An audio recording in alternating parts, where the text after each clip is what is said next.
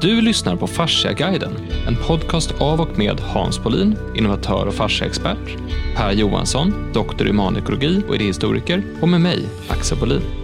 I den här podcasten har vi pratat om hur de senaste årens forskning om fascia leder till ett helt nytt sätt att se på kroppen och hur vi med hjälp av ett ekologiskt tänkande kan förstå kroppen från ett annat perspektiv. Vårt resonemang ledde fram till en ny modell baserad på relationerna mellan vår kropp, vår unika individuella historia och de konsekvenser som följer på de inre och yttre störningar som vårt ekosystem hela tiden utsätts för. Vi har ju ganska många program nu försökt att förstå kroppen, apropå det vi har lärt oss om, om fascia. Och någonstans så, när vi pratar om vad påverkar fascian, då, då pratar vi om att det påverkas av, av kost, och det påverkas av träning, av motion, av rörelse, av olika fall, av olika sjukdomar, medicin, alltså av, av jättemånga olika saker. Men det påverkas också av tankar, av intryck, av känslor, av hur vi reagerar på saker vi stöter på. Och, men, men vad betyder det här? Alltså hur stor roll spelar egentligen våra tankar för vårt eget mående? Och det här blir ju ett ämne som, idag ska jag prata lite grann om det. Alltså, kroppen påverkas av våra tankar och känslor, men, men vad tänker vi på? Hur påverkar våra tankar oss och våra liv? Och det här kan bli ett väldigt, väldigt stort och brett ämne. Och vi kommer täcka in väldigt många olika spår. Så att eh, vi ska försöka hålla en, en liten tråd här där vi hela tiden knyter an till kroppen. Men, ändå, men, men om, om vi svävar iväg lite grann så, så får ni som lyssnar ha tålamod i det. Jag ska försöka hålla igen där, för det här är någonting som när vi ses och, och pratar när vi tre ses, Hans och jag och Per, och pratar om, om livet och världen och fascia och allt vad som händer i samhället och hit och dit och sådär, då kan det ibland vara att vi sitter flera timmar och pratar om saker. Så att det här är något vi har pratat väldigt mycket om. Så det kan, det kan sväva iväg, men eh, det kommer bli, det kommer bli spännande tror jag. Ehm, för att bara få ett exempel på om jag säger att tankar påverkar kroppen. Jaha, jo, men det kan ju, mina tankar kan ju påverka hur mitt beteende, alltså hur jag går, eller om jag bestämmer mig för att träna, eller om jag bestämmer mig för att äta en viss sak, eller om jag bestämmer mig för att vila eller stressa och sådär. Så man kan bli stressad av tankar och sånt där också. Men, men för att konkretisera hur våra tankar och idéer och känslor påverkar kroppen så tänkte jag vända mig till dig Hans. För du, du har ju en lite speciell behandlingsteknik ibland där du faktiskt någonstans går på djupet och försöker förstå orsaken bakom ens persons, en persons beteende. Du har berättat tidigare i den här podden om, om den här, till exempel, kvinnan som var så fantastiskt duktig, men, men hon dög inte. Alltså hon tyckte inte att hon dög, fast hon var jätteduktig och hur det satt i kroppen. Skulle du kunna repetera det exemplet eller berätta om någon annan gång som du har stött på att en tanke eller känsla har varit i vägen för för läkning eller för att, för att kroppen ska bli bra? Det finns jättemånga exempel på det som vi brukar göra egentligen när vi tittar på, på kroppen. Det är att, att vi tittar på kroppen utifrån och så sen så ser man hur, vilken balanshållning finns det i kroppen. Alltså hur ser, hur ser personen ut? Och Det kan ju vara som en karta, alltså som ett, en fysisk karta hur saker kan, vilket obalans som kan finnas. Eh, som kan vara mer eller mindre starkt. Eh, och om det kommer någon, så jag hade någon som kom till mig för bara något, någon, någon månad sedan som när hon berättade hur mycket saker hon har varit med om och hur mycket fel det var på henne, då var det som svårt att... Då, mycket till det hon, har, alltså hon hade varit sökt så mycket saker som var fel på hennes kropp. Så att den alltså hamnade i en tankeloop. Att egentligen var allting fel. Så om du det blir väldigt konstigt för organismen, alltså kroppen som sådan med en massa celler som finns. Att allt är fel, ingenting är rätt, något är fel, jag förstår inte, alltså, ingenting funkar. Och då blir det nästan bättre att titta på vad är det för någonting. Alltså, det, ju, det kan ju vara precis som att man säger att jag duger inte. Eller eh, jag kan inte. Om inte jag kan någonting, då är det ju svårt att till exempel göra det. Alltså, jag vill inte. Kan du gå och diska Hans? Jag vill inte. Kan du gå och diska? Nej, jag kan inte. Det blir samma sak med kroppen. Så eh, alltså att, att, vi blir, när vi, om vi, om vi fastnar i någonting som är en negativ tanke, alltså någonting som är tråkigt och jobbigt, att eh, jag är misslyckad eller eh, det är fel på mig eller något sånt där. Det kan ju vara fel, men det kan också bli en loop som du inte kommer ur. Nästan som en dålig dröm. Och jag tror nästan det här med dålig dröm kan vara, alltså egentligen så, vi kan nästan fastna som i, en, i, en, i ett drömlikt tillstånd, att vi inte tar oss ur den här eh, laddningen som vi är i. Och då måste, den då måste nästan, man nästan ta bort laddningen först innan man går och hjälper kroppen. För kroppen har varit i den här laddningen hela tiden, alltså 24-7. Det kan vara, den laddningen kan vara att eh, jag ska ta hand om andra. Och Det kan ju vara en jättefin tanke att ta hand om andra. Men vem ska ta hand om mig, säger kroppen. Eller det kan vara att eh, eh, jag är missförstådd. Ingen förstår mig. Jaha, det var intressant. Sex miljarder celler, vi är ju här. Vad är det som är problem? Så att på samma sätt, så, så, så, samma sätt som kroppen att, att tankar sitter ihop med kroppen så sitter också kroppen ihop med tankar. Om du ger upp händerna så här rakt ovanför, så rakt upp så här. Det är jättesvårt att vara ledsen nu. Alltså, det går inte. Det är jättesvårt. Känner du efter? Det, går, ja, det... det är jättekonstigt. Ja, men det, det går inte att vara ledsen med händerna upp i luften. Så att vissa, vissa tillstånd är nästan... Alltså, snälla, om någon lyssnar på det här nu och jag sitter på en tunnelbana eller någonting, snälla sträck upp händerna i luften. och se vad som händer. För man kan inte vara ledsen då. Och då så på samma sätt som att kroppen är en, en, som en, eh, en stämgaffel som kan ta emot olika typer av vibrationer som kan vara positiva och negativa kan man också hamna i som en, nästan en, en dålig melodi. Och då måste man ta bort den. Då måste man vänta, hur, gör vi, hur får vi stämgaffeln och hur gör vi det på ett annat sätt? Men, men för, för det kan vara viktigt att konkretisera det här så att man förstår att det här inte det här är inget flum. Utan det är liksom, om du tar den här grejen med, med jag måste ta hand om andra. För att den, den tanken, jag stöter på många människor som har en sån, eh, som verkligen går in i livet ganska mycket. Och då kan det ju dels bli att, att ens livsval som man gör gör man alltid gör saker för andra och inte för sig själv. Man sätter sig själv i kläm, man kanske åker och, och offrar sig ibland på sådär. Och det beteendet, har jag sett i alla fall, kan resultera i en så gradvis växande bitterhet någonstans i det också. Så det är en sak. Men alltså det är att hur ett beteende förändras, hur man mår, hur man ser på andra, hur man ser på världen och så vidare. Men det du menar egentligen är Den syns på kroppen. Den sätter sig i kroppen Den sätter också. sig i kroppen, så den syns på den, den halskotan som är längst ner. Alltså precis, den som sitter där ser sju. Då är det som en, då är som en bulle där. Och oftast kvinnor som har det.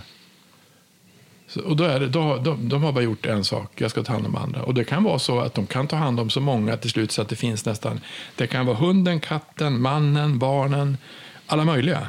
Och sen sist, jag. Det blir jättejobbigt för kroppen att göra det. Och det där kan ju vara någonting som både kommer ifrån, alltså det, det luriga i det där är att det kommer ifrån att någon har sagt att det ska vara så. Så min mamma, alltså, du tar väl hand om, alltså man, man, blir om, man blir ombedd som, som flicka att vara duktig flicka och duktig flicka tar man hand om andra. Så egentligen kan du säga att man har fått som, fått som en nästan som en indoktrineringsstöt när man är fem. Doink, nu ska det vara så här.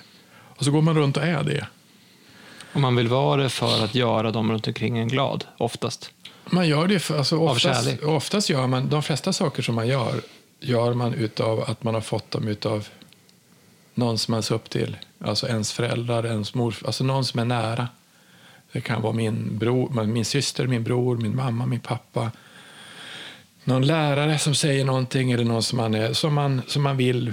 För vi vill ju bli älskade, vi vill ju bli omtyckta. Och då kan man göra saker och ting för att göra det. Oftast är det små barn som gör det. Och så hamnar man det. det. Om det är en sån så kan det hamna i ett sånt mönster som är gammalt. Och till slut så blir ju, om du säger att om, om, det tror jag, om, om man då vill vara unik och vara den man är. Så en sak som inte jag visste då, men, men som var ganska intressant med de som är riktigt autistiska, de kan ju inte... Vanliga människor eller de vanliga normala människor, eller det är kanske autister också, men de, de kan ju separera. Vi är vana att det ser likadant ut idag som det gjorde igår. Men för om det är som den här Rainman som var han som, de här som är riktigt, de, de kan ju, de tar in i allt hela tiden. Och då blir det jobbigt. Men egentligen är det så att vi kanske är mer utav, alltså om vi ska se den här som vi pratar om egentligen, om hur, hur allting förändras i på, på jorden med allt möjligt som finns med magnetiska strömningar och allting som är så är det ju, det är ju ett, och så sa att jorden var som ett tivoli som gick runt i en vansinnig fart. Ja, vi färdas på ett rymdskepp som går, Som går- 1700 kilometer i timmen. Och som ändras, så det är tusen blixtar per sekund eller vad det var för någonting. Så det är mycket saker som händer som är helt nytt varje dag. Och det är kanske så, ett, ett, sätt, alltså det är ett sätt att vara helt öppen, det är att ta emot allting som kommer varje ny dag. En ny dag. Men kan, man kan Men det här blir ju intressant i, i så att egentligen ens förhållande till hur man ser på sig själv och sin egen kropp kan påverka ens mående. Och om du tittar på, det finns ju två koncept som man kan, man kan man har, de flesta har hört, i alla fall ett av dem, eh, och det är placebo. Det som många kanske inte har hört är nocebo. Att du kan få en, en ehm, om vi säger att du har fått en idé om att det är någonting fel på mig, ta, den, ta det fröet, det är någonting som är fel på mig. Då kommer jag ju alltid försöka hitta vad det är som är fel på mig. Så då söker jag efter felet. Istället för att hitta det är någonting rätt på mig eller det är någonting framåt med mig. Och det, det sökandet kan också skapa ett beteende att man, att man, att man till slut hittar det man söker efter. Att man hittar fel på sig själv hela tiden. Och om du hela tiden ser dig själv i spegeln och hittar massa fel, då kommer det också påverka din, din kropp och ditt beteende. Och det här är någonting som vi har märkt från väldigt, väldigt många behandlingar. Och det, det här tar man inte riktigt hänsyn till när man tittar på, på när man ska behandla människor eller se till att människor blir friska eller hjälpa människor att hålla sig friska. För att om man, visst, om man tog det så skulle man ju ta till exempel placebo på större allvar. För att om du, vad är placebo egentligen? Det är ju någon form av intention. Att vill jag bli frisk, om jag tror att jag blir frisk så blir jag frisk. Så egentligen är man, ska man kan säga, om man tittar på rent som man har gjort, man har gjort en massa studier på placebo, att man, tror man har opererat en massa menisk, alltså knän, fast man inte opererar det. Fast det ser ut som man opererar, man får se att man har, och så har man, Alltså gjort, ha- halva gruppen har fått en knäoperation och halva gruppen har inte fått någon alls, fast de har sett att de har fått det. De har varit sövda eller något annat, varit med om samma sak. Och de, de, blir, de som inte opererar blir friskare än de som är opererade. Nu har det också kommit fram att, att knä, alltså brosk läker lika fort som muskler, så att det kan ju vara en annan effekt. Men läkande förmågan som finns, det finns ju jättemånga exempel på eh, alltså, saker som är helt fantastiska som har hänt människor utav att man tror på saker och ting. Det är, Eh, Så, så det, det är ju, det, men jag vet inte, vi har, vi har kanske svårt att tro, vi har kanske svårt att tro på saker och ting. Eller tro på att det finns positiva saker som kan, som kan hända oss på samma sätt som Ja, vad, det, det som slår mig är att kroppen verkar sakna förmåga att skilja på inre och yttre. Eh, jag tänkte fråga dig först, innan jag säger något mer om det. Hur gick det med den här kvinnan som det inte fattades några fel på? Som du började Som jag började med, hon som, det, det som vi fick göra egentligen, det var att vi fick börja med att ta bort det som var en upplevelse av att, hon in, att det var fel på henne. Alltså det är något fel på mig. Så att för den, den var så stark att när den var borta så gick det att titta på vad kan det bero på. Då kan man börja behandla kroppen. Så först blir det nästan att du måste som, är du, alltså har du funderat på varför du funderar just den tanken att det är fel på mig? Känns den okej? Alltså känns den, är den, leder någonstans? Och den leder ju bara till ännu mer specialister. Så den måste man nästan ta bort först. Och sen kan man bara titta på, på vad det är för någonting som finns under. Jag tror hon hade två eller tre sådana saker som fanns som var så otroligt negativt starka att det är något fel på mig. Och det kan ju, det kan ju lika bra vara att det finns ju de som någon har sagt, om vi tar ännu mer som är enklare att förstå, det är att jag ser inget bra ut. Det finns ju någon, alltså, jag träffade en del, en, alltså, när man var yngre, när man, alltså, innan jag gifte mig så träffade man väl mycket kvinnor hit och dit. Det var en del, ja, men en del tjejer sa, jag ser inget bra ut, men vem, har det, är det brinn, alltså, hur har du kommit på det? Någon har sagt det. I förhållande till vem då? Alltså, jag tycker att du är jättevacker.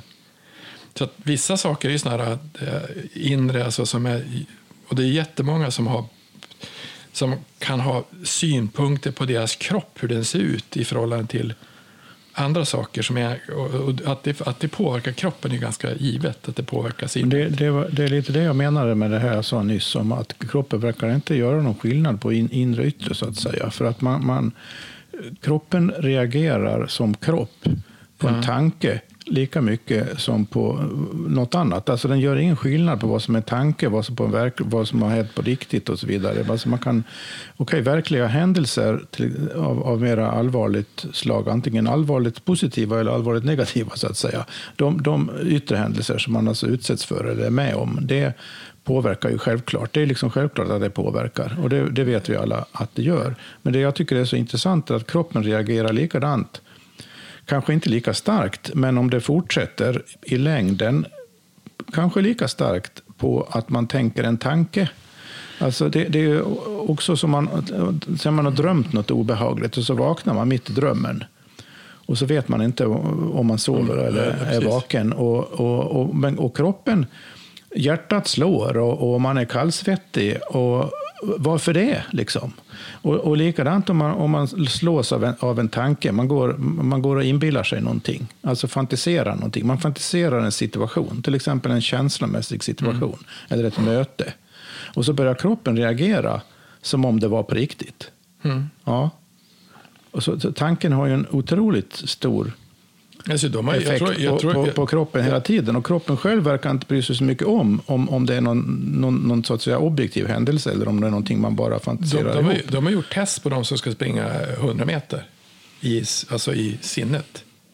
Och kroppen reagerar lika mycket om du springer 100 meter. Det är samma muskler som kontraheras om du inte gör det. Så du kan ligga och fantisera. Du kan, du kan fantisera och du kan förmodligen träna det. Jag kan sitta och göra armhävningar så jag gör så här. Så säger jag, nu ska vi se, det här är 100 kilo som jag lyfter. Man kan liksom fantasera, visualisera armhävningar så blir man lika stark. Alltså, men alltså, du kan, alltså, om jag sitter och gör så här, som jag trycker upp så här, så sen säger jag att det här är mycket jag lyfter, fast jag lyfter ingenting. Just. Så att kroppen har en, en, men jag tror det som, var, som jag tänkte på, som du sa, att kroppen skiljer inte på inre och yttre. Jag tror att den, den, den, den metafor jag får av kroppen, att kroppen är som en stor, snäll farbror eller tant som du får säga vad som helst till. Alltså som är helt... Den kan ta emot vilt, men det den inte tycker om det är... Alltså om du, om du säger att kroppen är väldigt förlåtande. Den förlåter allt. Förutom när du inte förlåter den själv. Så, att, om, alltså det som är intressant när man har haft sådana skador som folk har varit med om, så extrema trauman. Så kroppen är klar med traumat när traumat är klar. Men om vi är kvar i traumat då har kroppen svårt att släppa traumat. Så det, då blir den här snälla farbrorn, tanten, blir, alltså, den blir, den blir kvar istället. Det blir något, alltså, så. Och att det är så här har ju vi sett jättemånga exempel på när vi har behandlat hästar. Därför att om hästen blir behandlad och blir bra, då säger hästen kanon, då är jag bra, nu är jag kvar här. Ja. Medan som människan blir behandlad och blir bra så kan människan gå tillbaka ut och upprepa samma tankemönster som gör att man hamnar där igen. Så att vi har en, vi har en, en grej att vi ibland inte vill vara friska, att vi jobbar liksom mot oss själva eller vi har svårt att släppa det som har varit. Och det är väl en av våra eh, gåvor och förbannelser att vi har sånt sånt, att vi kan gå tillbaka i tiden och vi kan fantisera på ett annat sätt. Och, jag hörde som, det var en kvinna jag fick höra om som, som är bekant som eh, hon hade en grej att hon kunde sitta liksom, själv i tre timmar. Och sen efter två och en halv timme från ingenstans blir hon superarg, alltså vrålarg, liksom så här skitförbannad. För då kommer hon att tänka på någonting som hon varit utsatt för för en vecka sedan som liksom gör att hon blir arg. Så hon blir arg i hela kroppen och allt blir så här. Blir som, vet, och det är så fascinerande att vi kan göra så. Vi kan liksom ta en händelse och meditera på en händelse som hände för ett halvår sedan och bli skitarga. Ehm, så vi, är ju, vi har ju någonting för oss och ilska påverkar kroppen. Men om vi säger så här då. Ja, vill, ni, vill man liksom på ett djupare plan förstå att tankar faktiskt påverkar kroppen så kan man lyssna mer på, på delar av podden som vi haft förut. Jag, vi skulle lämna, jag tycker ändå att vi behöver fäst någonstans att tankar påverkar kroppen. Mm. För det som, det som jag är intresserad av att prata om idag, egentligen, det som jag vill att vi ska ta upp, det är Okej, okay, tankar påverkar kroppen, men vad är det vi tänker på? Alltså, var kommer våra tankar ifrån och var kommer vår, alltså, vår bild av verkligheten ifrån? För vi har pratat lite grann om i den här vändan att vi, eh, vi har tränat hela livet på att inte förstå fascia. Vi har svårt att se saker i helheter. Vi har svårt att se saker i relationer. Vi har svårt att tänka ekologiskt, att det, att det inte bara är en sak som påverkar en annan sak, utan att det finns massa saker som påverkar allting hela tiden. Eh, vi har svårt att se varandra på ett annat sätt. Alltså, det finns saker som vi någonstans nästan är, är tränade till att, att ha. Om vi då säger att eh, man har fått ett beteende med sig. Jag, jag, kan ta mig själv till exempel. Jag har viss, till viss del från min mamma fått en del eh, tjurskallighet. Att jag liksom bara kan fälla ner huvudet och köra. Liksom. Jobba tills jag spyr för att få någonting att bli klart. Oavsett om jag tar död på mig själv på kuppen. Så där är vi väldigt lika med varandra. Och det, det kan ju verkligen sätta sig i kroppen och framförallt i, i nacken, att man får nästan en tjurnacke. Man säger tjurskallig, tjurnackad. Och det är något, vet, den här, jag kan gå igenom väggar för någonting även om jag dör på kuppen. Ehm, men var kommer, då, var kommer idéerna ifrån? Alltså, vad, förutom att de kommer från våra föräldrar. Ehm.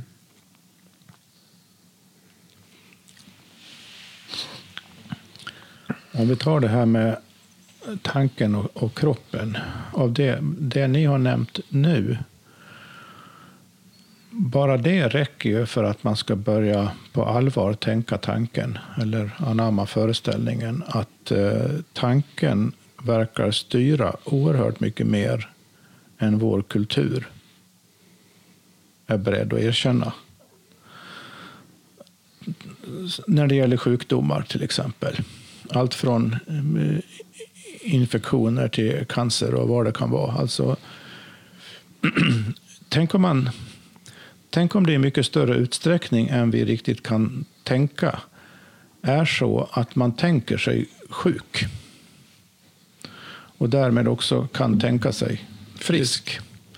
Och då, då är det, då är, när, när man formulerar det på det viset så låter det som om då, då blir det på sätt och vis för, för specifikt eh, fokuserat, hela den här idén som, som, som jag är ute efter här. Som egentligen går ut på att verkligheten kommer till.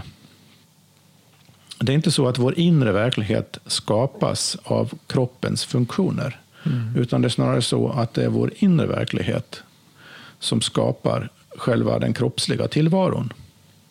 Mm. Det är alltså en annan metafysik en icke-materialistisk metafysik, där man börjar i andra änden. Den materialistiska metafysiken som vi är uppvuxna med i moderna väst, den går ut på att det, det är en massa kroppsliga processer som, som eh, orsakar medvetandet och, och tanken och alltihopa.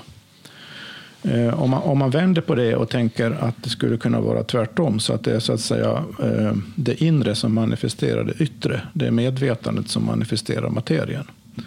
Men finns den metafysiken någon annanstans i någon annan kultur? Den finns i alla andra kulturer utom vår. Så, så alla andra kulturer utom vår ja. ser på det sättet? Även inklusive vår egen äldre historia då i väst.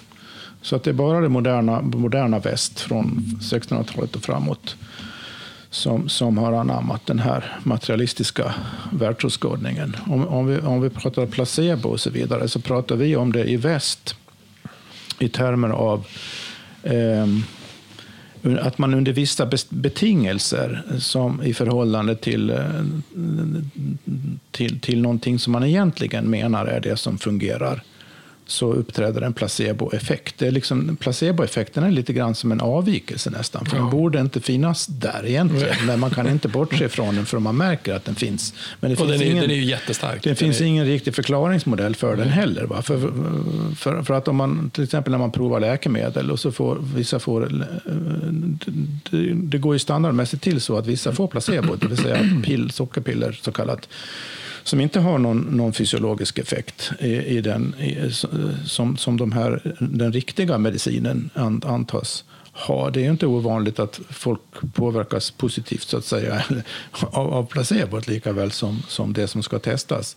Och, men det, och, och, och det där stämmer ju inte in det där stämmer ju inte in i hur vi tänker då metafysiskt. För att jag tror vi, vi, vi är så metafysiskt omedvetna så vi förstår inte att vi tänker metafysiskt, fast vi gör det.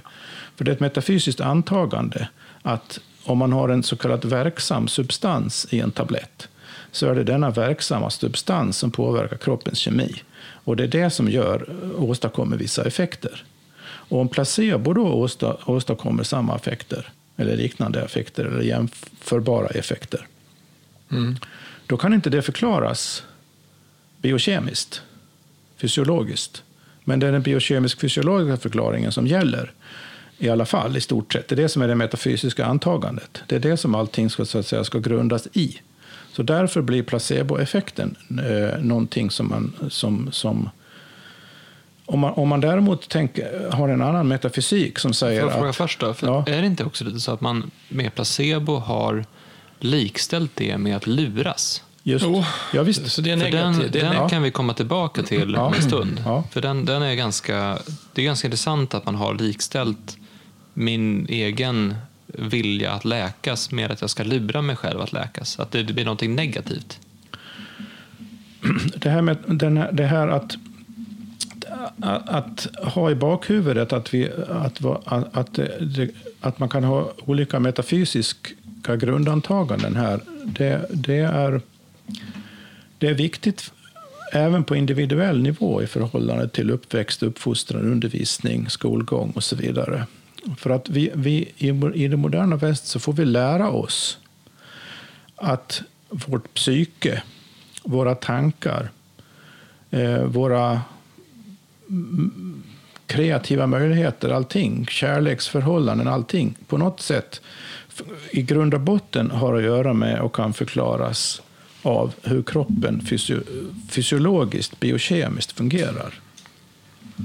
Vi, vi, det betyder att vi, vi lär oss egentligen inte att lita till vår egen intuition av oss själva.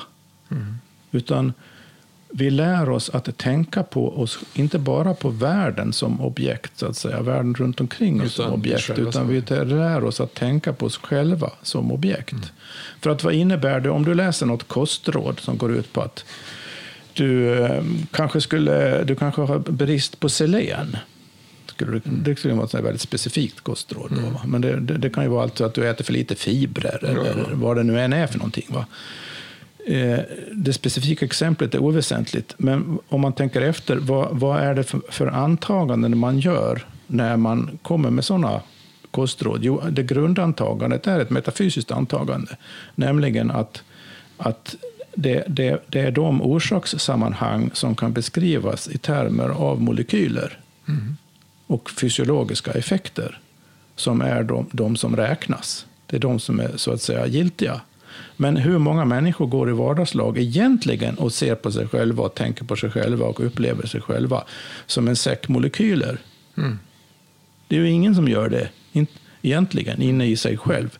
Men ändå när, när, det, gäller, när det gäller att ändra, eh, påverka oss, påverka vår, vår, vår kropp, våra kroppsfunktioner, påverka hur vi mår, allt möjligt, så, så, så, så har vi lärt oss att vi ska lita mer på någon sån förklaring, någon sån beskrivning, något sånt råd, än på att helt enkelt kanske bara intuitivt prova oss fram själva, utan att egentligen veta något skvatt om molekyler, bara känna hur det känns.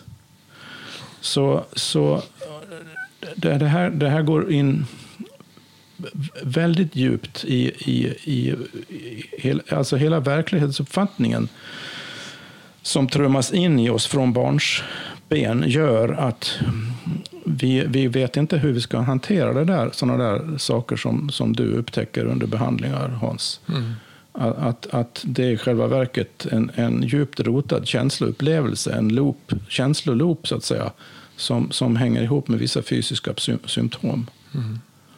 Men om vi ska gå till botten. Alltså, eh, det kanske är någon som undrar, så därför tänkte vi fråga den. Vad är metafysik?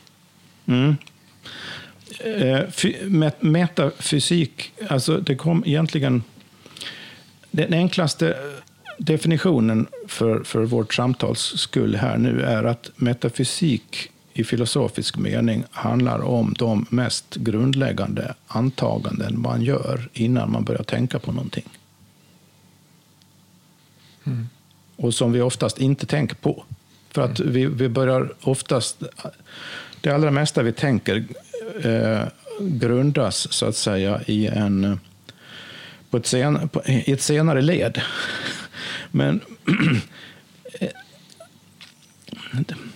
jag, jag försökte exemplifiera det nyss. Om, om jag, ett, ett metafysiskt antagande har att göra med, i grund och botten, att göra med vad man tänker sig är verklighetens yttersta eller innersta eller mest grundläggande natur. Är, är verkligheten i första hand en fråga om medvetande eller är världen i första hand en fråga om materia? Det, det, är en sån här metafysisk distinktion. Om, om, om, man antar att världen i grund och botten bara är materiell, att det inte finns någon inbyggd vilja eller strävan eller medvetande i, i materien överhuvudtaget, utan det är, bara, det är bara partiklar som klumpar ihop sig på olika sätt. Mm. Om, om det, är grund, det är ett metafysiskt grundantagande. Det är ingenting som någonsin går att bevisa vetenskapligt. Det, ingen, det finns ingen forskning, ingen modern naturvetenskaplig forskning någon disciplin överhuvudtaget som har bevisat det. Mm. Det är ett metafysiskt antagande. Och, och, och, men det genomsyrar oerhört mycket av vår verklighetsuppfattning i den moderna väst. Så, det så allt, all tro på, på, på synen på kroppen inom så kallad skolmedicin och så vidare, konventionell medicin, all, all, allt sånt bygger, bygger på det metafysiska antagandet. Mm. Det bygger inte på någon vetenskap eller på någon fakta överhuvudtaget. Mm. Fakta bestäm, vad som är faktum bestäms i grund och botten av metafysiska antaganden. Förutom av teorier. Och teorier baseras på, i sin tur på metafysik. Mm. Så den här, den här gamla, eh, eh, vad säger man, ordstäder, så här, ja, det vi brukar säga ibland när vi ska prata om helhet, vi brukar prata om att, att eh, det du tror på påverkar det du tänker. Det du tänker påverkar vad du gör och vad du gör påverkar vem du är och hur du mår. Då är det en ganska, alltså, då, då, är det, då är det första stadiet där som vi någonstans är inne och pratar om, alltså vad man faktiskt tror på. Just det, det, det är det. det är det. Och vad vi då som samhälle tror på menar du formas mycket av, av ja, vad då? Vad, vad, vad mm, det är en väldigt bra på? fråga. Det är, det är, mm. inte så lätt att, att, att, begripa eller komma på eller förstå eller, eller ens veta hur man ska börja tänka på. Vad, vad är det som bestämmer vad man, vad man, vad man tror på? Men om, man, om, vi, om, vi, om vi lämnar eh, den filosofiska sidan av den frågan och tänker väldigt konkret, erfarenhetsmässigt och frågar oss själva. Vem kan det vara som har bestämt vad jag tror på som jag inte själv har tänkt ut? Alltså det finns ju det, det, man tror på kan ju ha två olika källor. Det kan vara det man själv har erfarenhetsmässigt kommit fram till, tänkt ut, ifrågasatt saker, reflekterat, kritiserat, kommit på och så, och, och, och det, så landar man i idag, preliminärt idag, så är det här jag tror på. Mm. Det kanske ändras om en vecka eller om två år. Men idag är det det här som är min fundamentala tro och den har jag i, stor, i viss utsträckning, större eller mindre utsträckning, kommit fram till själv. Det är det ena sättet att tro mm. på någonting. Det andra sättet är ju att man bara tror på någonting bara för att alla andra verkar ju tro på mm. det, så varför skulle jag tro något annat? Vilket mm. jag tror är det grundläggande och normala. Mm. Det är så det är när man är barn man, man, man, man tror att det är som föräldrarna säger att det är. Mm. För är det någonting som är medfött hos barn så är det ju ett hundraprocentigt förtroende. För föräldrarna, ja precis. Eller så, ja, tror, eller så tror man på det som man har fått lärt sig i skolan. Ja, och sen som, som, ja, men som man, ja, men föräldrar och sen ju äldre man blir så kommer det andra inflytanden in som framförallt kompisar och, och, och sen skolundervisning och lärare och så vidare. Men, men, men um, grunden är att allt det där tas från, från bebisstadiet och eh, x antal år framåt. För vissa kanske hela livet. Eh, allt det där tas emot i förtroende av att världen är välvillig mot mig i princip. Alltså, det är som folk säger. Mm. Och det är bara om man är med om någonting, alltså får en upplev har en upplevelse som gör att det här rubbas på något sätt. Mm. Man tror att föräldrarna är kärleksfulla och så får man stryk. Mm. Så Då rubbas konstigt. det ju. Va? Mm. Det kan vara något andra, annat mindre dramatiskt eller mindre liksom, fysiskt våldsamt som gör att, att man, man upptäcker att ja, men så där som klasskompisarna sa att det var, det är ju inte så. Men jag, jag hade en sån, eh, för också kanske göra det lite konkret för det här har vi faktiskt pratat om tidigare i podden. Jag tror vi pratade om det i något avsnitt när vi pratade om fascia och tankar. Jag tror avsnitt fyra, kanske avsnitt fem, för ganska länge, för ett år sedan. Då pratade Hans om den här eh, servitrisen han behandlade i, i Florida. En, en, och då var jag, jag var med Jag var 20 år gammal. Och det var hon som eh, hon kunde inte gå och så var det en person som vi var med som var en riktig säljare som då sålde in att hon, hon, kunde, hon kunde gå men hon, ja, men, hon kunde dra knä. Nej, precis. Hon gick väldigt eh, stöppligt. Så. Hon haltade fram kan man säga. Och den här då säljaren eh, sålde in till henne att Hans var bra på att behandla. Och Hans var så här, jaha, oj, ska jag behandla henne nu? Och vi som var med var så här, bara, jaha, hur ska det här gå då? Och jag, jag filmade det där till och med. Så jag står och filmar den här behandlingen och ser hur hon, bara genom att, att han tar henne, gör lite tekniker som vi idag vet fungerar på ett annat sätt, men också just den här, eh, som vi pratar om då, skickade, skickade kärlek ner till benen och skickade förlåtelse och började komma i de tillstånden vi har pratat lite grann om, det här med hur tankar påverkar kroppen, släppa idén om att, om att ehm, eh, det var, alltså, hon var arg på läkarna som hade räddat hennes liv och hon var ledsen. För, alltså, det var massa konstiga, vi pratade om, om resonansen mellan, mellan hjärtat och hjärnan, alltså hur, hur väl ihop ens känslor och tankar sitter. Och då släppte hon ju på det. Det vet vi här i efterhand, men där och då så ser jag en kvinna som jag filmar som inte kunde gå så bra och sen efter att du suttit och hållit i henne så kunde hon gå. För mig var det så här, men men, men aha. Vad, vad, vad är det här nu då? Alltså hur, vad, hur, hur, kan, hur kan det vara så här? Hur kan det här funka? Och det var en sån här djupt fundamental omskakning. För jag hade inte varit inne på det fältet på det sättet tidigare. Visst, jag hade gått till en kiropraktor och fått min nacke knäckt, men det är ju det är skillnad på att någon tar en sned nacke och knäcker till den än att någon sitter och håller ett ben och plötsligt kan personen gå. Det var en väldigt stark eh, upplevelse som just skakade om. Ehm, men det är intressant det här med att man... Varför tror man inte på det innan? Då? Alltså det, just det här med vad, vad, är det som alla andra tror på? Då? Ja, men det här är en fråga om medvetenhet och hur man blir medveten om, om någonting överhuvudtaget. Jag tror grundtillståndet är att man egentligen inte är särskilt medveten. Man är bara med, så att säga. Mm. Man, man hänger med. Och, och, och, det gör ju barn. Barn, mm. barn är ju med på allting. Liksom. Mm. Och, och, och, och, sen händer det någonting som gör att man, man vaknar upp. Va, men va? Finns inte jultomten? Eller vad det nu är för någonting. Mm. Och, och, och, då, blir det, då, då, då, uppstår det en kontrast. Va? Då, då, då, då har du i ditt sinne, i din egen livserfarenhet, så har du en kontrast mellan eh, någonting du vet att du trodde innan och som du nu vet att du inte tror på. Mm. Och den kontrasten representerar en grad av medvetenhet som, som gör att du börjar, det är så att säga ett första frö, första rudiment till att, att börja tänka själv. Mm. Vi är sponsrade av Fasciaklinikerna.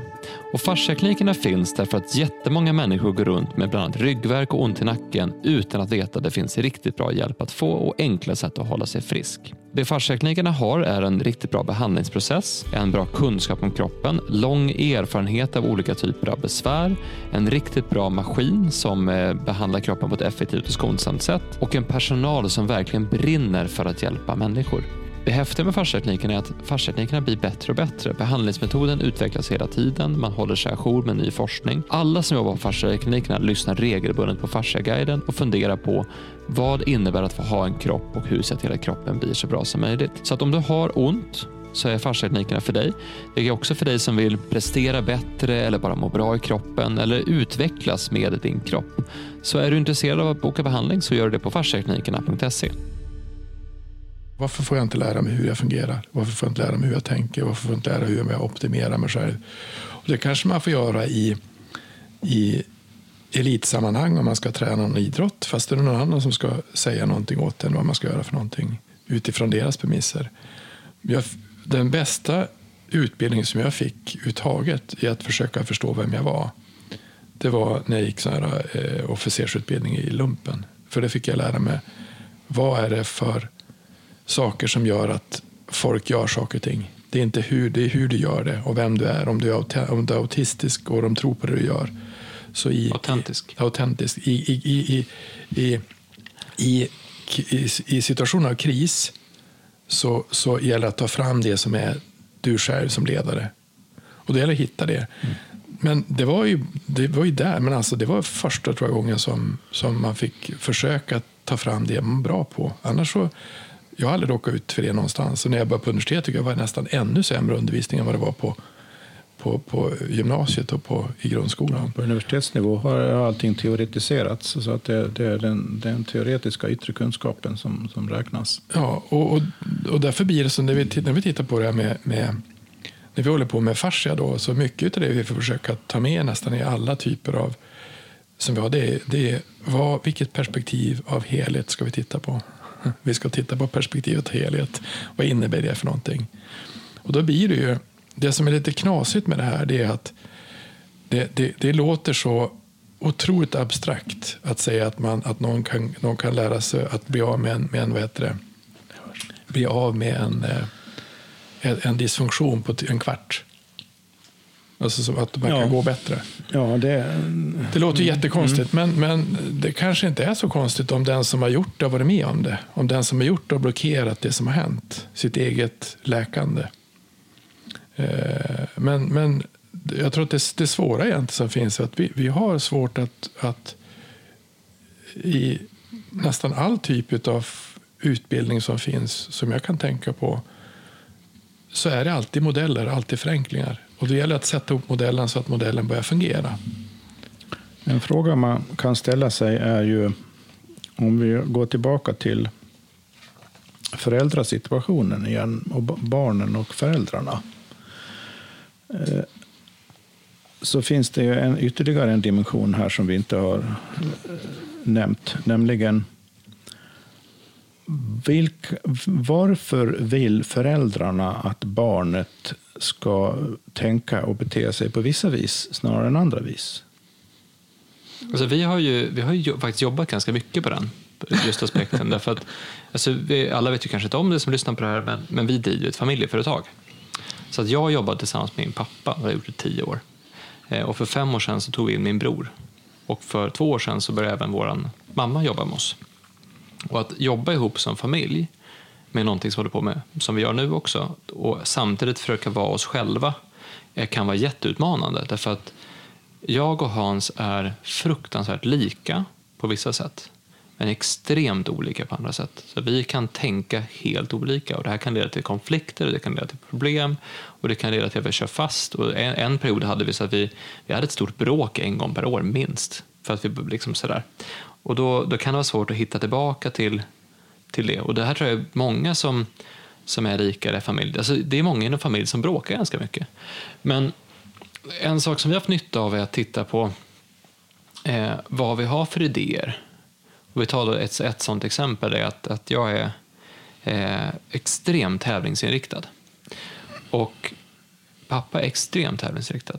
Och mamma är extremt tävlingsinriktad. och min bror är väldigt, väldigt tävlingsinriktad. Så att när min fru spelar sällskapsspel med oss, då var hon så här bara Ja, alltså man blir nästan förstörd när man spelar spel mer för att vet, nu är jag också inne på det här med hur man ska vara så bra som möjligt och bara liksom utvecklas och utvecklas som spelare och liksom verkligen vinna, vinna, vinna och bra. Så hon har nästan fört över det till sin familj nu. Så, här. så att det, det, hon har påverkats väldigt mycket av att vara med oss i just tävlingsriktningsbiten. Men då var vi, eh, jag och min bror var faktiskt uppe på en sån här eh, workshop tillsammans där man ska jobba just med den här typen av saker. Och se, är det här, vi kallar det för att är det, är det andligt eller själsligt? Alltså om det är andligt, då är det min ande, mitt andetag, mitt jag. Alltså det är jag som faktiskt är så här, eh, axel, djup, på, på djupet. Liksom så. Men när det är själsligt så är det ett beteende jag har fått från min kultur, från mina föräldrar, från min uppväxt, från någonting jag varit med om. Och då kom vi fram då till att eh, min bror Ivar, han var själsligt tävlingsinriktad. Så att han är tävlingsinriktad för att han har fått det från, från familjen och från uppväxten för att det har varit kul, för att det har varit sådär. Eh, Medan jag var andligt tävlingsinriktad. Så jag har haft tur och hamnat i en tävlingsinriktad familj som gjort att det blir ännu mer starkare. Och det, det, det är därför som när vi, jag, jag, var ganska dålig på, jag är ganska dålig på tennis. Då spelade jag och Ivar tennis. Och då kunde vi spela tio matcher och jag förlorade varenda. Men det är ändå jag som säger, ska vi ta en till? Därför att varenda gång så blir jag lite, lite bättre och den elfte matchen så vann jag. Och det, det är ju en tävlingsinriktad instinkt. Sådär. Det intressanta då att se är att kommer då Hans tävlingsinriktan från att hans mamma eller pappa var det? Och kommer deras från att deras föräldrar var det? Så vilka beteenden eh, och idéer för man med sig generation till generation till generation? Och där kan ni ju testa hemma om ni vågar Eh, och ta upp en sån känslig sak i hur man ser på ekonomi, hur man ser på pengar och hur man ser på hushållssyster. Så det är två sådana saker som verkligen kan bli konflikt, för det kan vara totalt olika. Och det kan till och med vara olika med ens båda föräldrar och så kan det liksom ge sig olika mönster. Så att, så att de här beteendena kan hänga efter, precis som att vi, när vi tittar på idéhistoria så har vi pratat om hur en idé föder en annan idé och sen går vidare med, med tiden, så kan en idé också följa med ens föräldrar och så kan det kanske vara ens gammelmorfar som hade en idé som sen är kvar i, i mig.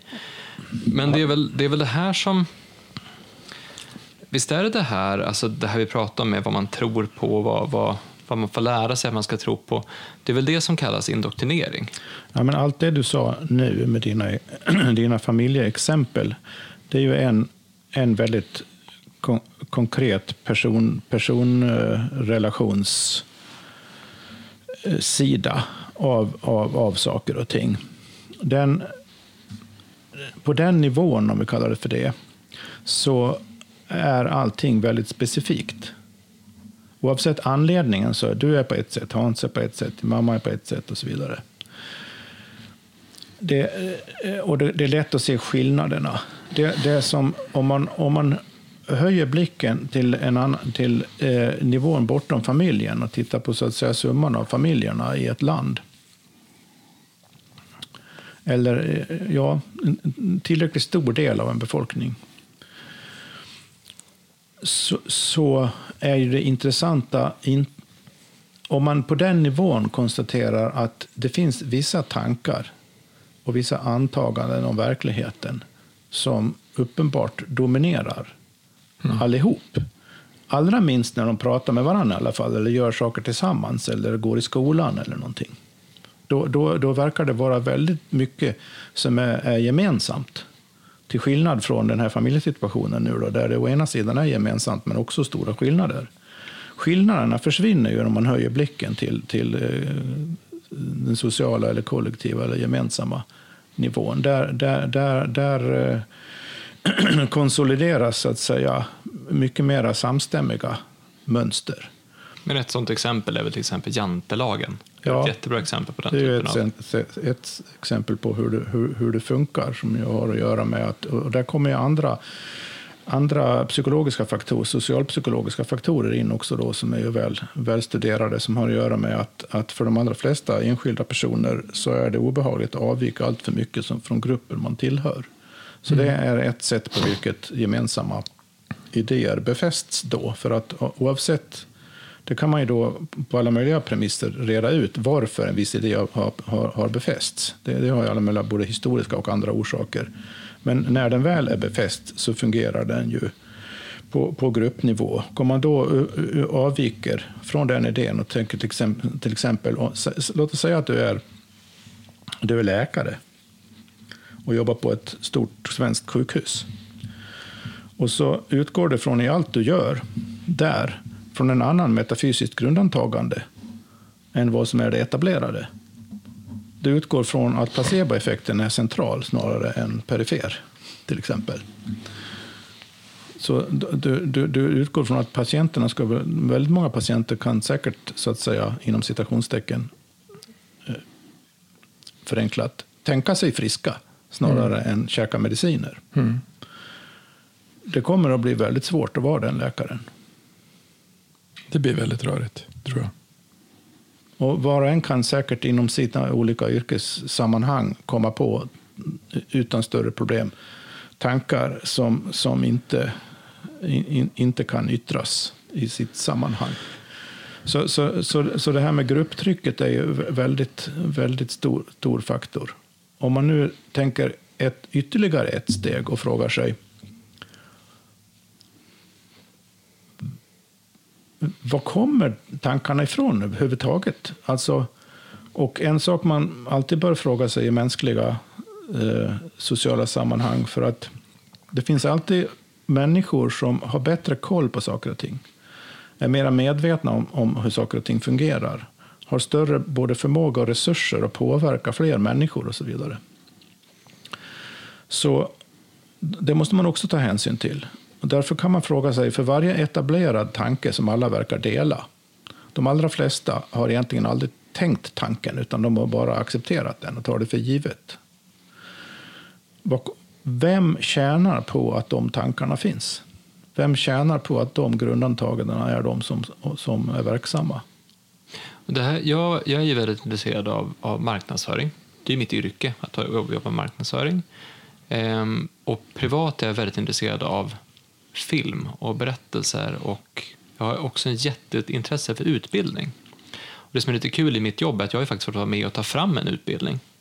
Och när man, när man gör det, alltså oavsett om det är en utbildning som i, i en kurs, en yrkesutbildning som jag har tagit fram, eller om det är när, man, när vi la fram den här nya fasciaguiden som vi släppte digitalt, en artikelserie om man säger så. så eller om man gör en presentation, eller en föreläsning, eller en film, eller en, en snutt, så, så har man oftast en idé om vilken, vilken väg man vill att åhöraren ska komma. Alltså om du tänker en film, så allt ifrån första scenen till presentationen av karaktären, till utmaningar karaktären stöter på, till musiken, till klippningen, till rollbesättningen, till allt det här är någonstans medvetet, det är medvetna val som har tagit väldigt, väldigt lång tid som görs för att du ska få en specifik känsla. Antingen du ska tycka att filmen är bra, eller du ska bli berörd, eller det ska vara spännande, eller du ska bli rädd som i en skräckfilm, eller du ska kanske förstå, men man pratar, i en film pratar man om, om grundpremissen eller grundtemat. Vi pratade lite grann om, om Batman förut och det är grundtemat i den är ju ehm, är att titta på rättvisa eller på samhällen eller på eh, vad, är, vad är det för koncept och då utforskar man olika sidor av det så att den som tittar på det ska tänka efter. Och då lyssnade jag på en, en eh, podcastintervju med, med eh, Ruben Östlund som har gjort väldigt mycket film. Och han har också gjort film som verkligen eh, berör folk och kan beröra folk ganska illa. En sån är ju till exempel den här Turist, där det, en man, det kommer en lavin och så är det en man som springer ifrån sin familj.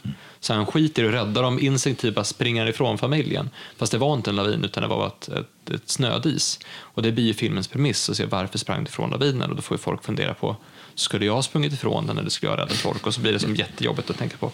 Han i alla fall sa att film är den ultimat, mest ultimata formen av propaganda som finns. Det finns ingen bättre propaganda än film. Och film används som propaganda, så att allting du ser på film är propaganda. Alla dokumentärer du ser är propaganda. Alla filmer du ser är propaganda, alla serier du ser, alla reportage du ser.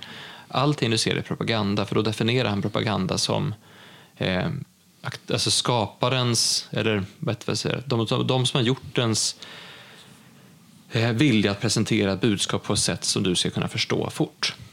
Eh, För är dramaturgin inte bra så ser du inte filmen. Så du, måste, du måste föra dramaturgin. Absolut, och, det, och det är någonstans vill man ju säga någonting med det. Och även om du gör ett reportage, vi säger att du gör en, en oberoende dokumentär, så är det alltid saker du väljer att klippa bort. Därför du kan inte visa alla klipp du spelar. Du spelar in, du spelar in tio timmar, men du väljer att klippa ihop en. Då har du klippt bort saker. Vad har du klippt bort? Och då, då gör man alltid ett val. Man väljer att alltid inte ta med vissa saker i en intervju. Man väljer att alltid bla bla. Så att, det är något man kan tänka på. Okay, om all film jag ser är propaganda. För propaganda påverkar ju hur vi tänker. Jag skulle, så, jag skulle vilja men, fylla i där. Då menar du som, som det du sa, du menar det som, som Per sa, att alla idéer som finns, som är våra idéer som vi tänker, som vi har, som är så här tänker vi, de är, de är, de är, propaganda, de är Alltså, det kanske inte är propaganda nödvändigtvis, men om du tittar på, på eh, Sir Ken Robinson hade en presentation om som heter Changing the Education Paradigm. Mm. Och då handlar den om att, att skolan är utformad utifrån att man skulle skapa ett bra industrisamhälle. Så att det, är mycket, det finns många likheter mellan skola och en fabrik. Alltså allt från årsmodell till, till eh, fakulteter, till liksom olika indelningar, till hur mekaniken ser ut bakom den. Den är anpassad för eh, akademiker och kanske inte för praktiker. Alltså det finns mycket såna här idéer som, som är bakom skolan och varför har man tagit fram den på det sättet? Det är ju en, det är en väldigt medveten konstruktion, skolan. Ja, eh, jag, jag, skulle gärna fylla i Ruben Östlunds påstående om film där, eh, apropå att och säga någonting i stil med att eh, all undervisning är propaganda. All officiell undervisning är propaganda. Men då, då, då eh, propaganda är ju, är ju den klassiska, eller vanliga eller skarpa användningen av ordet propaganda det är ju att det är någon sorts mera kampanjliknande sak i något syfte. Som till exempel eh, eh poli, eh, under krigstid till exempel. Eh, så, eh, eh, under både första och andra världskriget så bedrevs det ju i, i USA då propaganda för att gå med i krigen. Mm. Och, och, och, och, det kan också bedrivas propaganda då i politiska maktsyften. Och det, det, där vi, det, är så, det är så vi normalt använder ordet. Och då, skarp propaganda så att säga kan i efterhand vara ganska lätt att, att se och känna igen. Däremot kan det vara väldigt svårt att känna igen medan den pågår. Mm. Så den, propaganda vi, den skarpa propaganda vi är utsatta för nu i Sverige idag, mm. eller i världen till och med, västvärlden i alla fall. Den, den eh, är de allra flesta av oss säkert inte medvetna om att det är propaganda. Mm. Om 50 år när man skriver ihop historieböckerna eller ser på dokumentärer om vår tid så kommer alla som nu inte fattar någonting med deras motsvarigheter i, i, i denna framtid, de kommer att tycka vad konstiga de var som gick på den där propagandan. Mm. För att eh, effektiv propaganda är per definition svår att genomskåda. Alltså det, finns, en, det finns en Youtube-kanal jag kan länka till för er som är intresserade av sånt här. Den visar reklamfilmer från 60 70-talet. Och det är otroligt fascinerande att se alltså svenska reklamfilmer från 60-70-talet. För då har du just de här bitarna med allt ifrån hur såg man på eh, könsroller, hur såg man på arbete, hur såg man på... Så det där kan vi idag titta på och skratta åt eller liksom göra oss lustiga över. Men samma sak som hände då för dem händer ju förmodligen just nu för oss, bara att vi mm. kanske inte mm. ser det. Det finns en sån här talesätt som säger att man ska lära av historien, men det gör vi, det, de, det gör vi som regel inte. Aldrig kollektivt sett. För att vi, vi, vi har alldeles för ytlig uppfattning om saker och ting. Vi ser inte de där eh, strömningarna och, och antagandena och premisserna och principerna som liksom ligger under ytan. Så, så därför känner vi till exempel inte, har vi väldigt svårt att känna igen auktoritära eller eh, eh, totalitära tendenser om de inte yttrar sig på sådana sätt som vi har lärt oss att de har gjort historiskt. Mm. Så vi, om, om, om det finns en totalitär tendens som inte ser ut som den gjorde i Sovjet eh, under, under Stalin till exempel, så, så tycker jag ja, men då, då, då, är det inte totalitärt. Och så då ser vi inte under ytan vad det var som drev det hela. För någonting som driver alla totalitära tendenser det är ju att folk går med på det utan att veta vad de går med på. så att säga. Mm.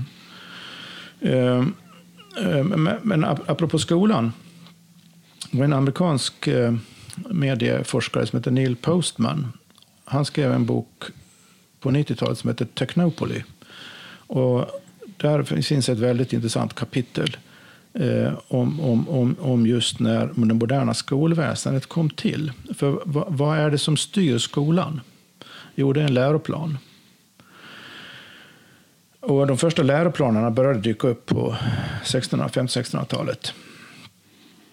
Och det har, det har väldigt mycket med tryckpressen att göra. Att det blev plötsligt en massa information blev lättillgänglig för många människor. Direkt man, kunde, man bara, kunde man läsa, hade lite pengar, så kunde man få tag i all möjlig information.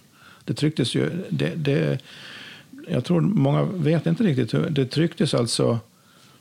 Med våra mått mätt med internet nu så, så, så kan man tycka att det var inte så mycket information. Men relativt sett då, när det alltså trycktes tusentals och åter tusentals större och mindre skrifter om alla ämnen mellan himmel och jord som vem som helst kunde läsa och, eh, och i olika billigare upplagor också. Va? Så att det spreds ju ganska kvickt. Där. På 1600-talet så började det bli ett problem det där, på allvar för myndigheterna att folk fick tag i massa information som de inte skulle ha. skulle ha.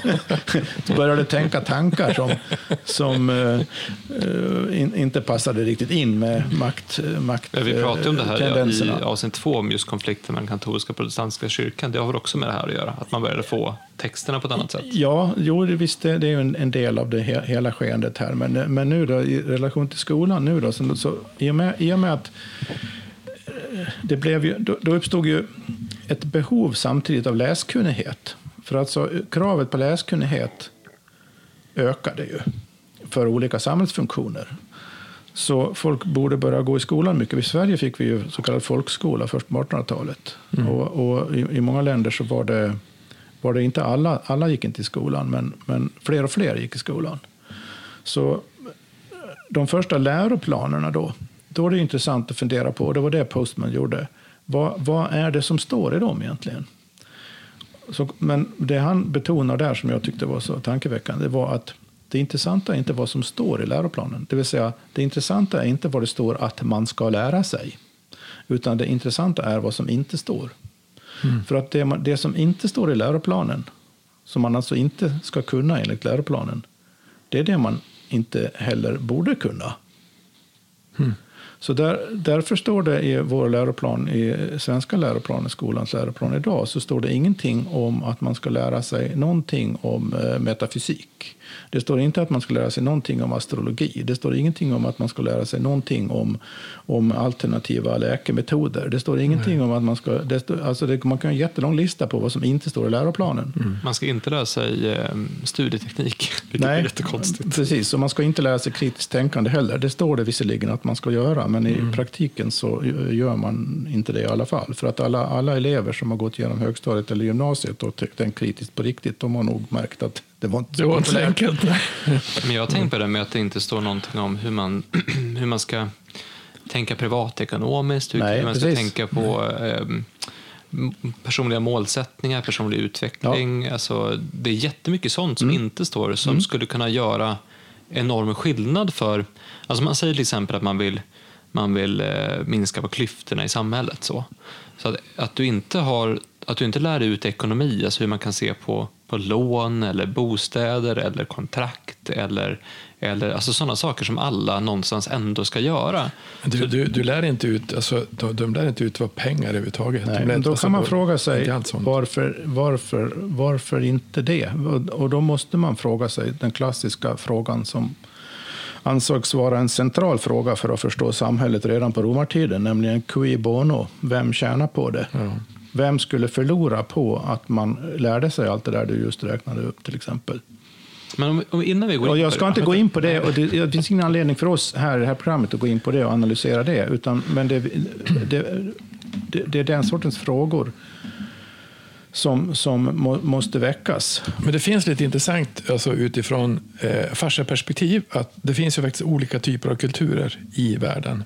Så du sa till exempel, man, det som är intressant med fascia är att, att man kan, det finns någonting som man säger att det, eftersom det är ett hantverk, man ska studera saker och ting och känna saker och ting och palpera saker och ting. Och det är egentligen osteopater som kan lite grann om fascia och det är eh, vad heter det, rollfare som gör det. Men det, som är, det finns vissa regioner som är väldigt mycket mera hands-on. För du måste ju ta i folk. Och ju längre du kommer mot Storbritannien, Storbritannien är hands-off, Sverige är hands-off. Tyskland är hands-on, Australien är hands-on, USA i vissa stater hands-on och Frankrike är hands-on. Och då är de, det, är intressant hur man, det, det skiljer på kulturer, alltså hur man, hur man ser på, om vi, om vi tar, vi var till, jag och, vi var till Portugal för två år sedan, tre år sedan. Och då fick min syster problem med magen och så skulle vi in på något apotek så vi skulle skaffa någonting. Då frågade de, vill du ha, eh, vill du ha naturligt eller kemiskt? De hade två preparat, ett som var naturligt och ett som var kemiskt. Det finns, det finns inte i Sverige. Nej. Men det hade man där. Och, och, alltså, om, du tar, om du tar till exempel i, i Tyskland så finns det ju läkarutbildningar som är rent helt annorlunda. I, alltså fortbildningar som är helt annorlunda. De, de, de, de, tror ju på, de har ju fortbildning i homeopati och man har helt andra typer av verktygslådor som finns hur man tittar på, på, på hela kroppen. Så att viss typ av eh, alltså, hur vi ser på, fast det är så lika, så är det så extremt mm. olika. Mm. Och, och som, som, i USA är det vissa, det är funktionsmedicin i, i, kommer jättestort i USA och det finns nästan inte alls i Sverige. Så det här med helhet är intressant utifrån också vem tjänar på det eller vem, vem har egentligen varför finns det grogrund i andra kulturer att man kan komma på ett annat sätt och varför är det så svårt att Alltså som, vi, som jag sa, varför är det så svårt att komma fram med vissa saker i Sverige? När vi trodde ju när vi började med 2020 att nu blir det väl fascians år. inte, inte, inte pandemins år. Alltså om du tittar på helhet så blir ju Eh, då blir det förebyggande saker som C-vitamin och D-vitamin och zink. Och hur, hur, bygga, hur, hur stärker jag immunförsvar? Kan jag, ska jag vara rädd? Är jag rädd så kommer jag att, att minska mitt immunförsvar. Är jag inte rädd så kommer jag inte att göra det. Så kommer jag boosta mitt immunförsvar. Det, men det är ju inte, det är precis tvärtom. Det blir går åt andra hållet. Eh, och det tycker jag är lite intressant att, att, att det kan vara så olika mellan olika länder. Och hur, att, att, att vi i Sverige haft en... Alltså, Sverige alltså, inget... Ett sätt att få syn på propaganda i sin samtid, om ja. man nu skulle få för sig att man vill det. Det är inte helt behagligt studium. Men ett sätt att få syn på det och tänka tanken att det förekommer propaganda. Mm det, det, är ju att göra en lista för sig själv på saker och ting eh, man inom citationstecken inte får prata om.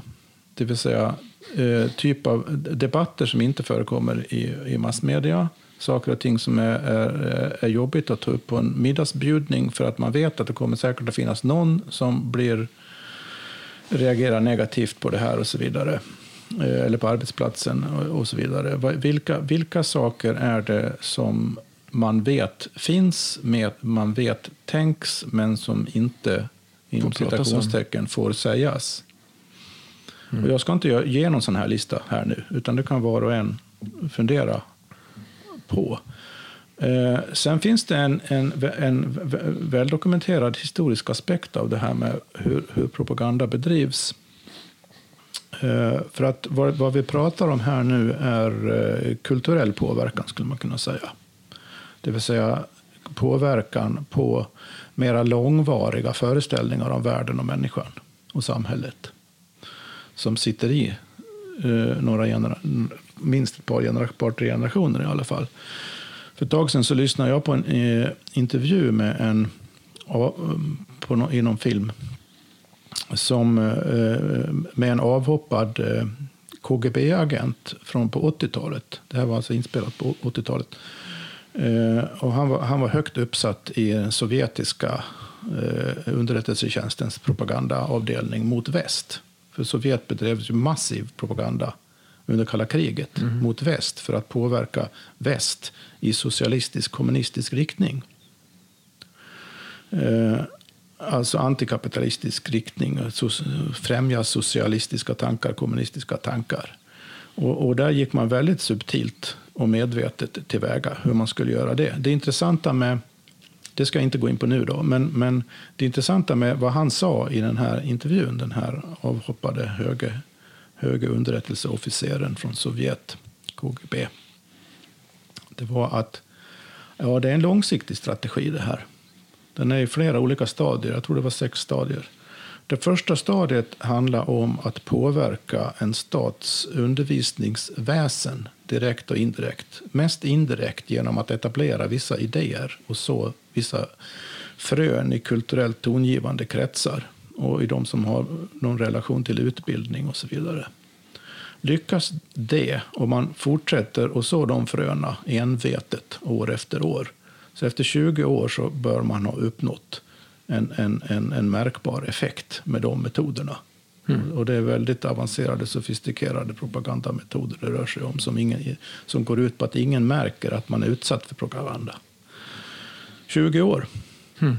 Så, och, och, det är alltså en medveten, avsiktlig strategi som planeras med det tidsperspektivet. Mm. Och detta har bevisligen skett under kalla kriget. Mm. Finns det någonting som säger att motsvarande eller dylika saker inte pågår nu? Från olika, o, o, olika lång, långsiktiga maktintressen? Nej, det finns ingenting som tyder, tyder på det. Mm. Så att det, här, det här är liksom en faktor i den sociala, samhälleliga, politiska verkligheten vi lever som, som, som man måste känna till. Och, och det, det rör sig då alltså om medvetna strategier som går, tidsmässigt sträcker sig långt utöver valperioder och årsredovisningar och sådant som styr så, sägs styra så mycket. Så vi har olika lager av påverkan här. Mm.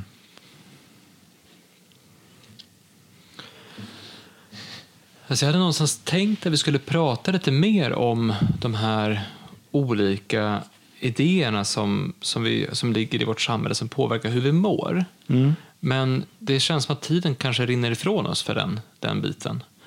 Ehm, så jag tänkte att vi skulle i alla fall ägna en liten stund bara åt... Alltså, vi pratade om att det finns en massa idéer. Det finns en massa idéer som, som kanske inte kommer från oss Eh, utan kommer någon annanstans ifrån som ändå påverkar våra liv väldigt mycket. Och vi har också pratat om att tankar påverkar hur vi mår. Och Då skulle man kunna dra en slutsats om man vill att det finns idéer i vårt samhälle som får en direkt konsekvens för vår kropp. Och Jag tror att det man kan fundera på där är... Vi har pratat om hur kroppen mår dåligt av känslor som oro, rädsla, maktlöshet, misstänksamhet, ilska, eh, att, att, alltså orättvisa, att man mår dåligt av det i kroppen. Men istället ska man försöka vara medveten, fri, eh, känna mod, kärlek, omtanke, förlåtelse, tacksamhet. Den typen av tjänsterna snarare kanske bygger upp en. Då kan man fundera lite grann på vilka, vad av det man vad av det som är i samhället gör en att känna det ena och vad får en att känna det andra? Jag tycker det som var med, med det kanske tar nästa gång. men det som var med eh, det, det, som var med nu, som jag, nu har vi haft en, en, en pandemi och då, då har det egentligen varit det är ganska intressant. I Sverige har gått en annan väg. Många länder har gått en helt annan väg och stängt ner väldigt mycket. Det man kan titta på rent fysiologiskt är att det som händer när, vi, när det blir mycket oro, när det blir mycket stress, så påverkar det kroppen. Vi kommer, det blir svagare immunförsvar, det blir svagare saker och ting. Det som, och det som, vi, det som vi tog fram, det, är ju, alltså det finns ju saker man kan göra för att få sitt immunförsvar att bli starkare, mer effektivt. Och det är ju sådana saker som ger, alltså, så fort vi hittar en annan väg, en annan lösning, så ger det, det finns ju alltid en negativ väg och så finns det en positiv väg. Och den handlar även om kroppen, den handlar även om hur jag kan äta och göra saker, tillföra näring för att vara starkare istället för att bli svagare. Jag tycker att mycket av kanske det som finns i, i, i det tänkesätt som finns nu, det är att vi är vi förstår inte hur fantastiskt kroppens immunförsvar är. Vi förstår inte hur, hur, hur, fantastiskt anpassad kroppen är till att vara här på jorden, att göra saker och ting. Och hur den kan egentligen, eh, som vi sa från början, att det är inte bara att man kan tänka sig frisk. Kroppen är faktiskt väldigt bra på att försvara sig hela tiden, att, att hitta andra, andra vägar ut. Eh, men de mår, inte, de mår inte bättre av att vi blir offer. Utan de, de mår ju bra av att vi försöker hitta ha, hur gör vi på ett annat sätt. Hur gör vi? Hur gör vi? Hur gör vi? Jag tror jag sa det i någon sån här som vi hade på jag tror vi hade det i något avsnitt som pratade om Viktor Frankl som hade en, en psykolog på 30-talet som hade en tes om vad går livet ut för? Livet måste ha en mening. När alla andra höll på med Freud höll på med olika saker sa han, vad är meningen? Vad är meningen med livet?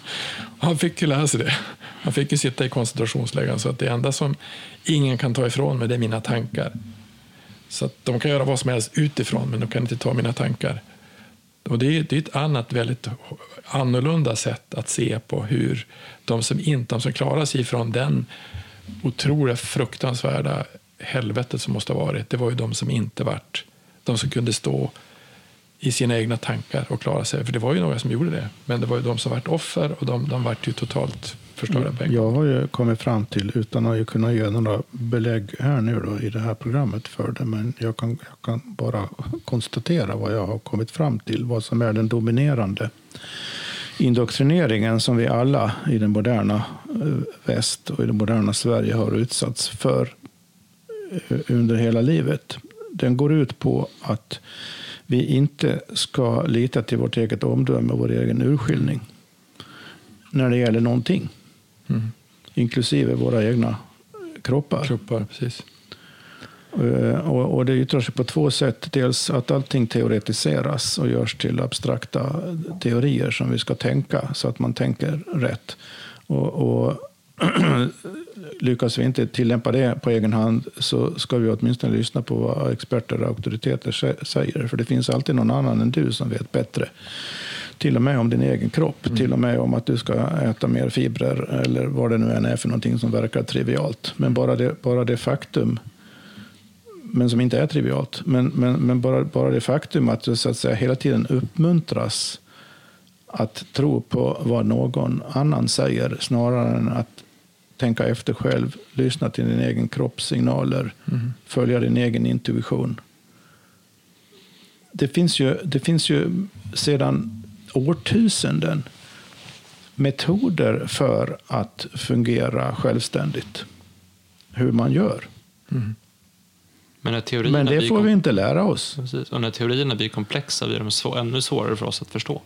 Ja, och det där är en chimär som vi väl har snuddat vid i något, något program. Alltså att, att det, det, det, finns någon sorts omvänd proportion mellan hur komplext någonting verkar teoretiskt och hur enkelt det egentligen är i praktiken. Alltså det vill säga, rättare sagt så här.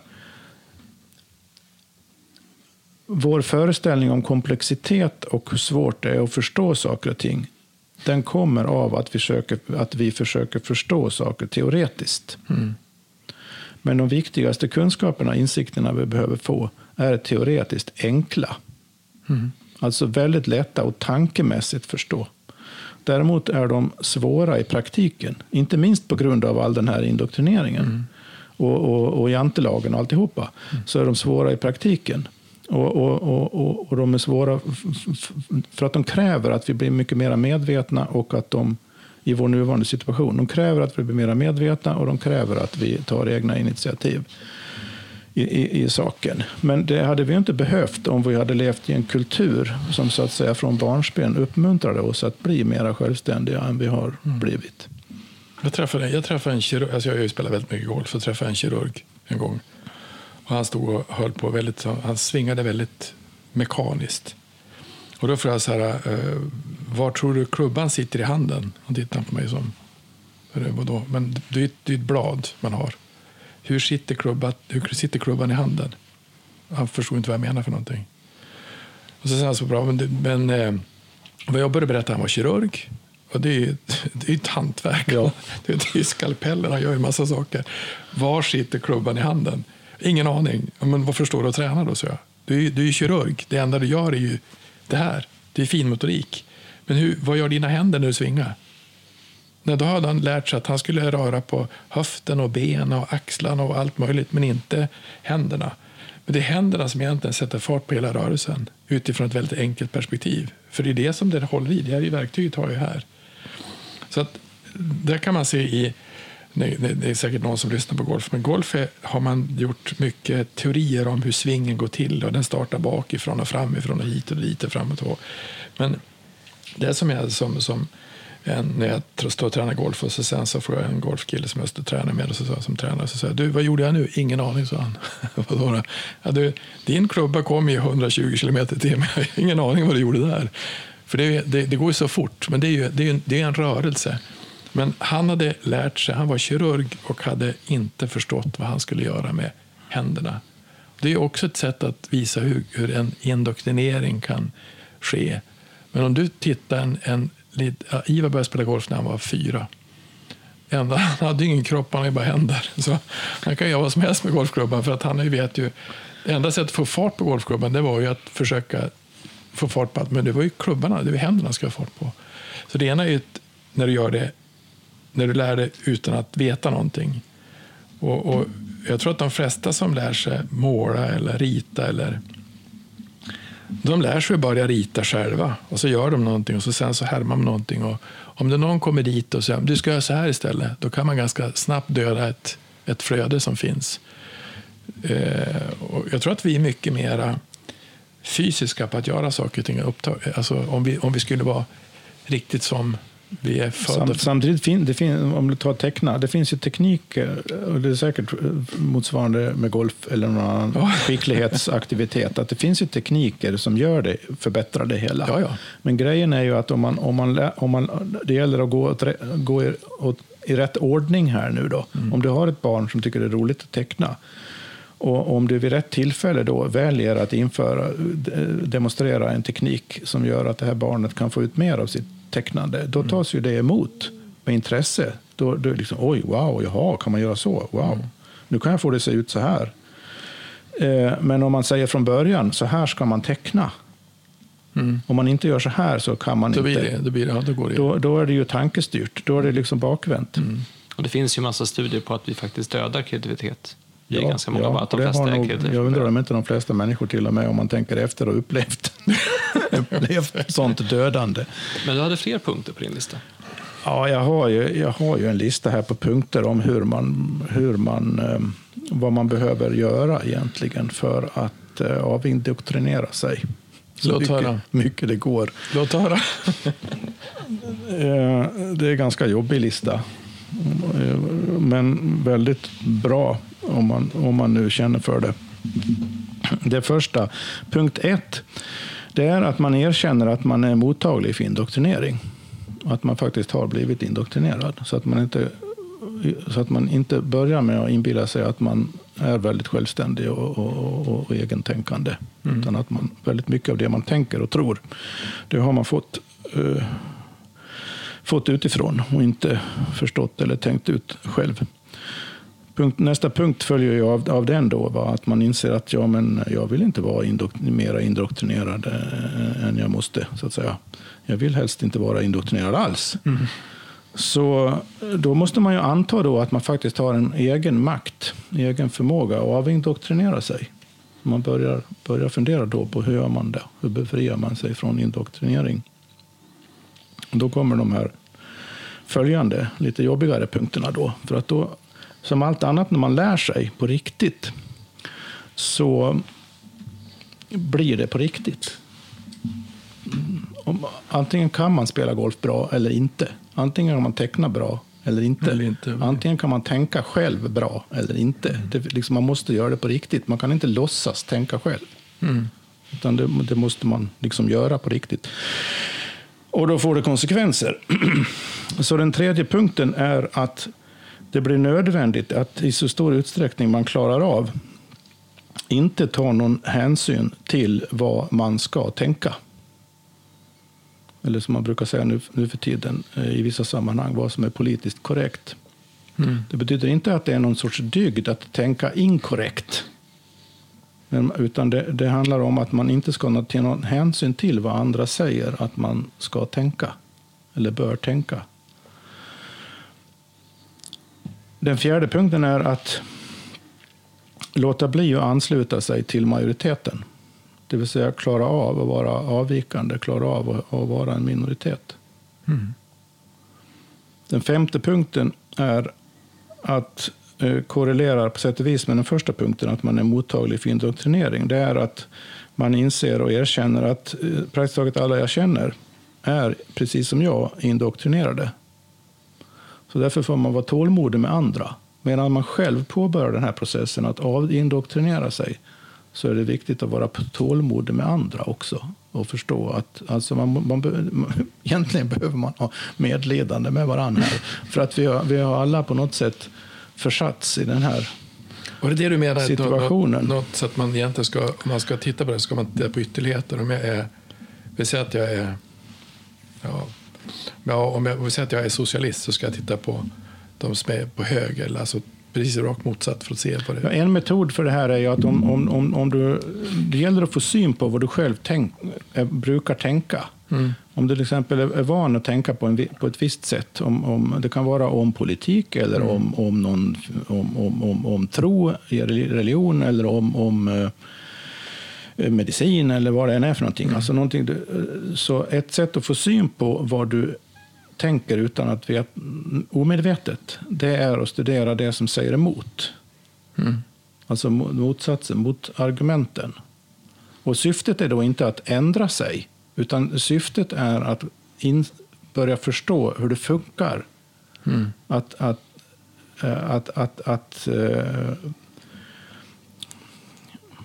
Alltså man måste få syn på, det, det, det, det, här bygger väldigt mycket på att man, att man har en eh, introspektion. Att man hela tiden på något sätt allt mer och mer blir medveten om sina egna reaktioner på saker och ting. Så att om man, om man, om man märker att man, att man reagerar negativt på en viss åsikt Så istället för att då liksom springa iväg med den negativa reaktionen och hålla fast vid den, tänker, ser det, ja men här är ett tecken på någonting som, som händer i mig. Det är ungefär som om det skulle göra ont i kroppen. Mm. Det gör ont i kroppen. Det är ett tecken på att det är någonting som skulle kunna rättas till. Och om jag då, om jag då hör eller läser någonting som jag reagerar med, oh, det där känns farligt. Mm. Så är det ett tecken på att det är någonting omedvetet i mig som reagerar. Och det gäller att bli medveten om det. Och det finns det olika sätt. Och blir det då. Den sjätte punkten, det är att det är viktigt att helt enkelt bara sluta ta till sig vad man läser eller hör eller ser i media. Och det gäller alla media. Inte bara så kallade mainstream, utan också alternativa medier. Att man alltså inte, inte så fort man ser eller läser eller hör någonting säger ja, så är det. Eller mm, det håller jag med om. Eller det är fel. Mm. Eller de har fel. Eller vad det än är. Alltså att, in, att, att, att inte springa iväg med den känslan. Utan bara liksom konstatera, jaha, den och den, de och de säger det och det. Det är som att lyssna på musik utan, utan ord. Ja, alltså inte, inte ta till sig på allting, allting utan ha liksom någon sorts distans till allting. Eh, just för att återigen få syn på hur en, sina egna reaktioner i väldigt stor utsträckning och vad, vad de gör med en. Den sjunde punkten är väldigt krävande.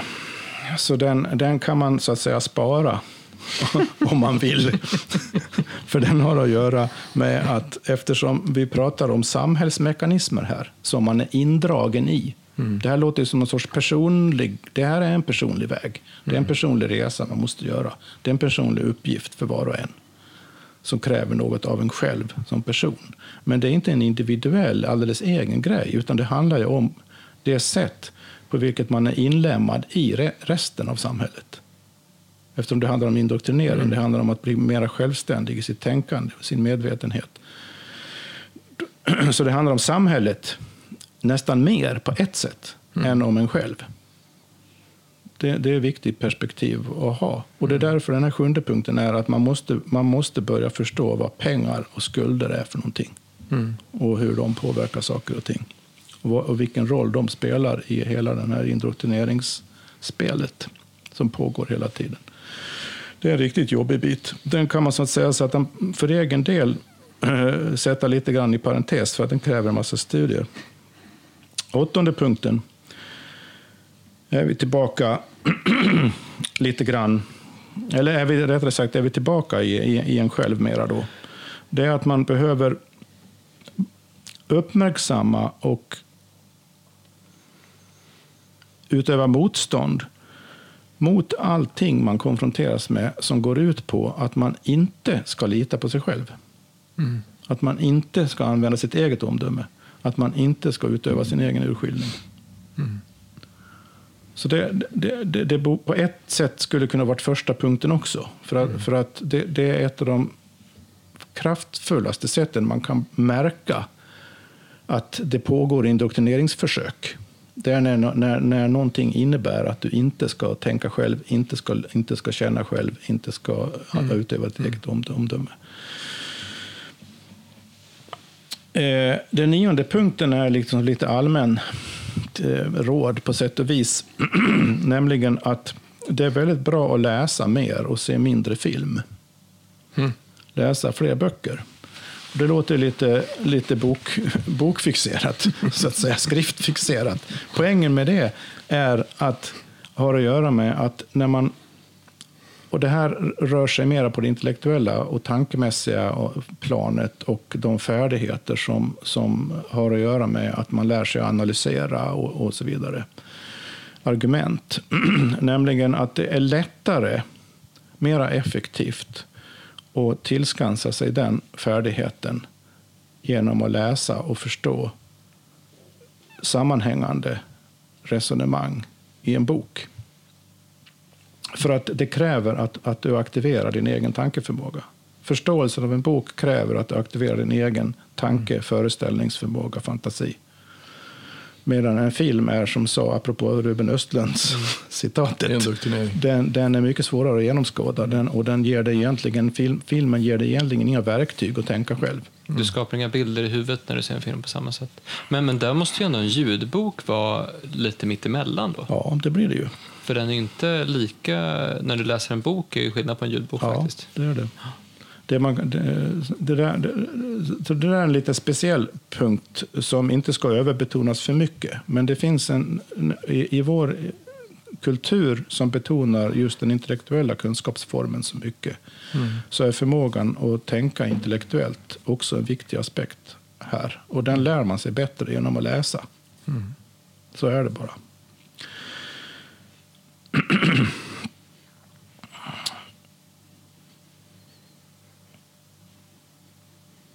Den tionde punkten är att fråga sig när, någon, när man märker att någon vill att man ska uppmärksamma någonting, bry sig om någonting, så ska man fråga sig varför det? Varför tycker någon att det här är så viktigt? Om det står i varenda tidning och sägs i varenda tv-program under, under lång tid att vissa saker är väldigt viktiga, så kan man börja undra varför säger alla det? Ja. Och det utmynnar ju då i, i den elfte och sista punkten och den kan man också ha som en första punkt om man vill. Vad man än konfronteras med hela tiden, när det påstås det ena eller andra eller krävs det ena eller andra eller det ena eller andra framhävs som bra eller dåligt. Fråga varför? Det kan man prova på sina vänner och bekanta också om de säger någonting. Så fråga varför. Be dem förklara sig liksom, närmare. Det väcker ofta stor irritation.